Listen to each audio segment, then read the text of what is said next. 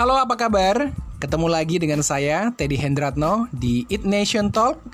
Dan di sesi ini, kita akan membahas mengenai langkah-langkah tepat untuk mengamankan usaha atau bisnis kita selama masa wabah corona.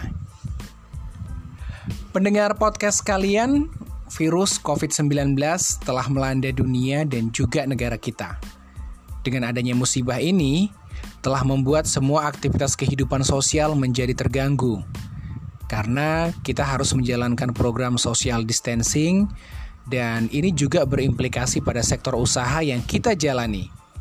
Yang pasti, dengan aktivitas yang dibatasi, maka secara makroekonomi, aktivitas perekonomian tidak bisa berjalan dengan baik.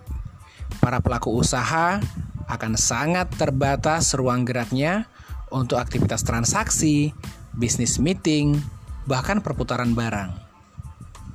Olehnya itu, perlu adanya antisipasi dan langkah-langkah strategis yang harus dilakukan oleh semua sektor usaha agar bisnis tetap bisa jalan, minimal survive lah di tengah wabah virus COVID-19 ini.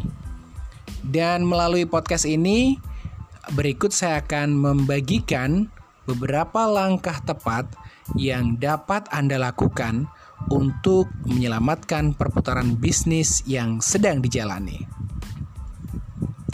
Yang pertama, para pendengar podcast kalian, manfaatkan strategi bisnis online pada produk yang Anda jual.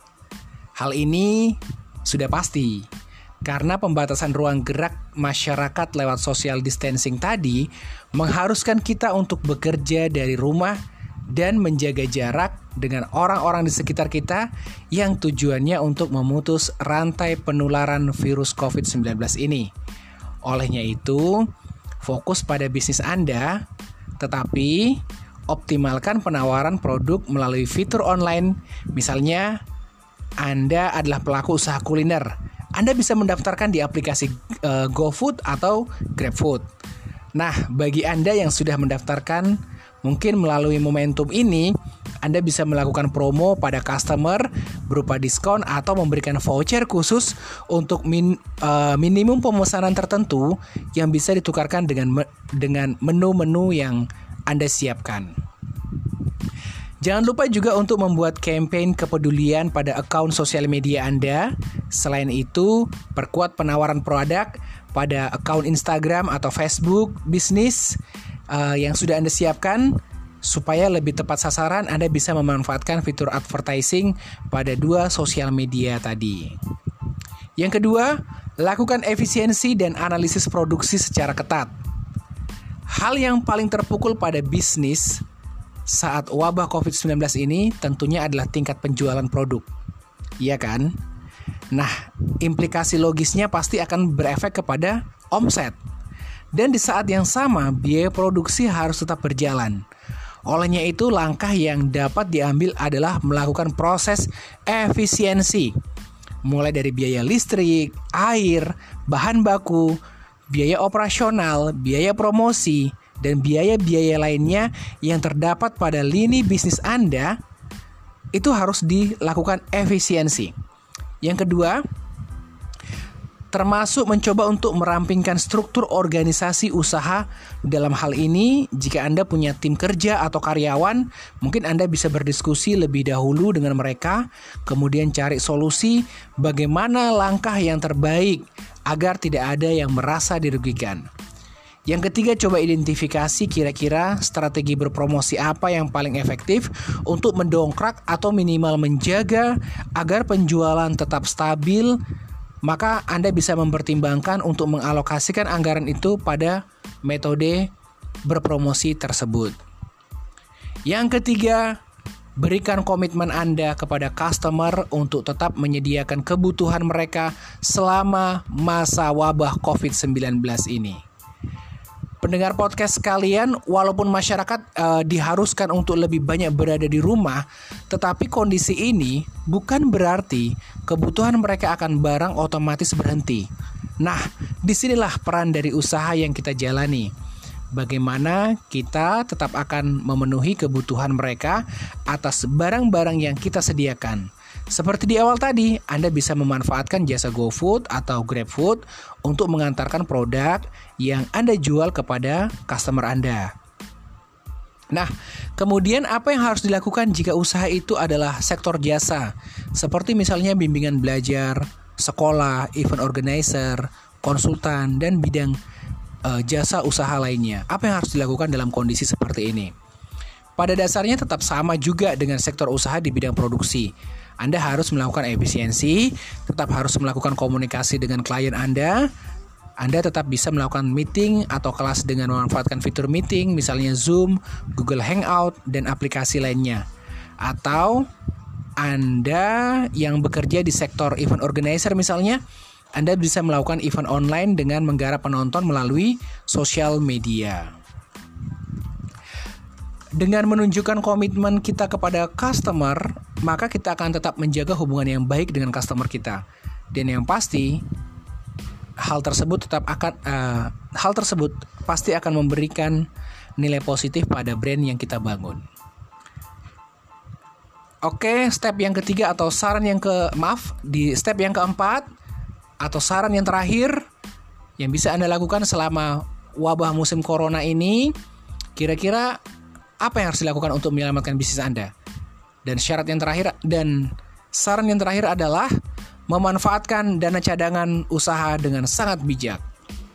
Setiap usaha atau dalam konteks pribadi yang namanya dana cadangan sangat penting untuk dimiliki. Bayangkan, apabila terjadi kenaikan harga bahan baku di pasaran, di mana kita bisa mendapatkan dana tambahan untuk ke, untuk membeli persediaan bahan baku tersebut. Ya tentunya melalui dana cadangan kita atau misalnya kebutuhan-kebutuhan lain yang mendesak, dana cadangan akan sangat membantu kita untuk mengatasi persoalan-persoalan tersebut. Nah, dalam masa wabah ini, Anda perlu melihat dana cadangan sebagai sebuah amunisi terakhir untuk menyelamatkan bisnis Anda. Dalam artian, alokasi dana ini harus benar-benar untuk mempertahankan usaha agar tetap mendapatkan cash flow. Misalnya dana cadangan untuk membackup kegiatan promosi atau melakukan diversifikasi usaha. Misalnya seperti ini ya. Sebelum corona uh, sebelum masa corona misalnya, Anda adalah seorang supplier hijab. Maka saat wabah corona ini mungkin pembelian hijab akan menurun. Tetapi anda bisa melakukan diversifikasi misalnya menciptakan desain hijab yang sekaligus bisa menjadi masker. Itu bisa saja Anda lakukan. Kemudian kalau Anda pengusaha kuliner, mungkin Anda bisa menyediakan menu khusus untuk makanan sehat agar imun tubuh tetap baik saat menjalankan aktivitas di tengah wabah virus corona ini.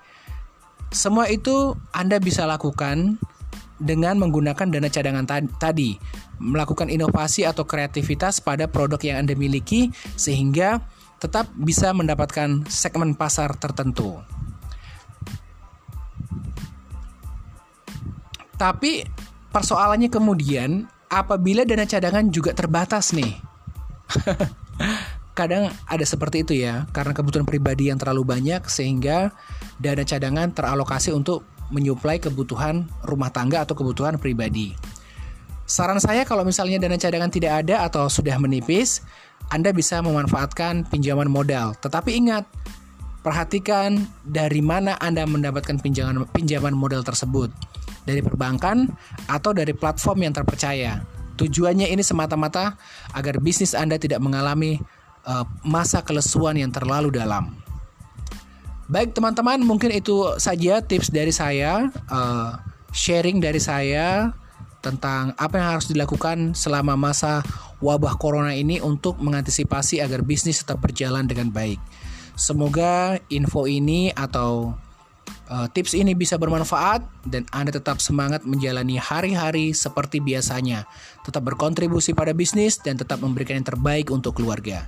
Demikian dari saya dan sampai ketemu pada tips-tips saya berikutnya di It Nation Talks. Sampai jumpa.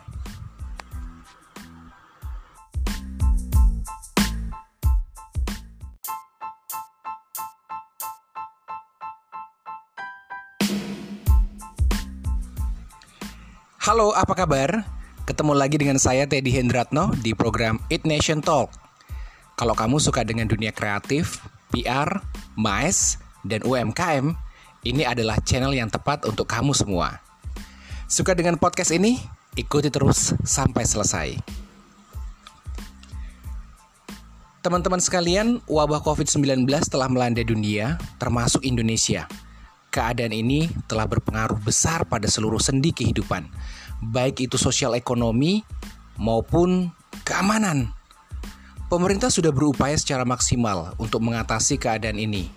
Berbagai metode penanganan sudah dilakukan yang tentunya teman-teman semua dapat melihat berbagai kebijakan tersebut melalui media massa. Peristiwa ini sudah banyak memakan korban, menimbulkan kerugian di banyak aspek, tidak terkecuali MICE dan event. Sebagaimana kita ketahui teman-teman bahwa industri event, tourism, MICE, dan derivatifnya hampir 75% digerakkan oleh sektor UMKM, rental mobil, penyewaan sound system, pekerja event lepas, pemandu wisata, jasa cetak promosi, venue management, talent, musisi, vendor equipment, dan masih banyak lagi penyokong industri ini terancam gulung tikar. Belum lagi sektor utama MICE, yaitu hotel, kemudian penerbangan yang sudah pasti mengalami kerugian yang sangat besar. Teman-teman pendengar podcast, industri MICE juga merupakan salah satu sumber pendapatan andalan Indonesia. Penyelenggaraan event tourism meeting yang berskala internasional telah menjadi bagian promosi pariwisata yang bisa mendatangkan wisatawan mancanegara dan berimplikasi pada penambahan devisa negara tentunya. Sektor ini sudah jelas menyerap banyak lapangan kerja untuk masyarakat Indonesia yang semuanya benar-benar dalam konteks pemberdayaan ekonomi kerakyatan atau kita menyebutnya sebagai sektor UMKM.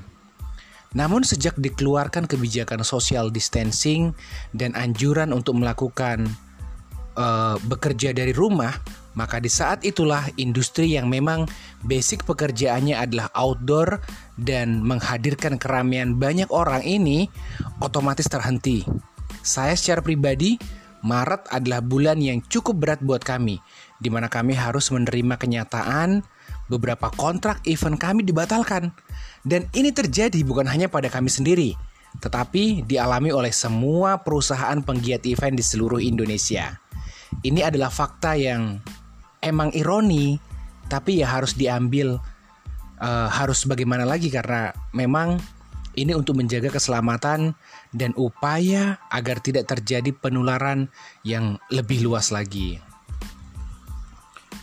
Menurut riset Evendo, industri event Indonesia ini merupakan organisasi yang membawahi pekerja event di Indonesia.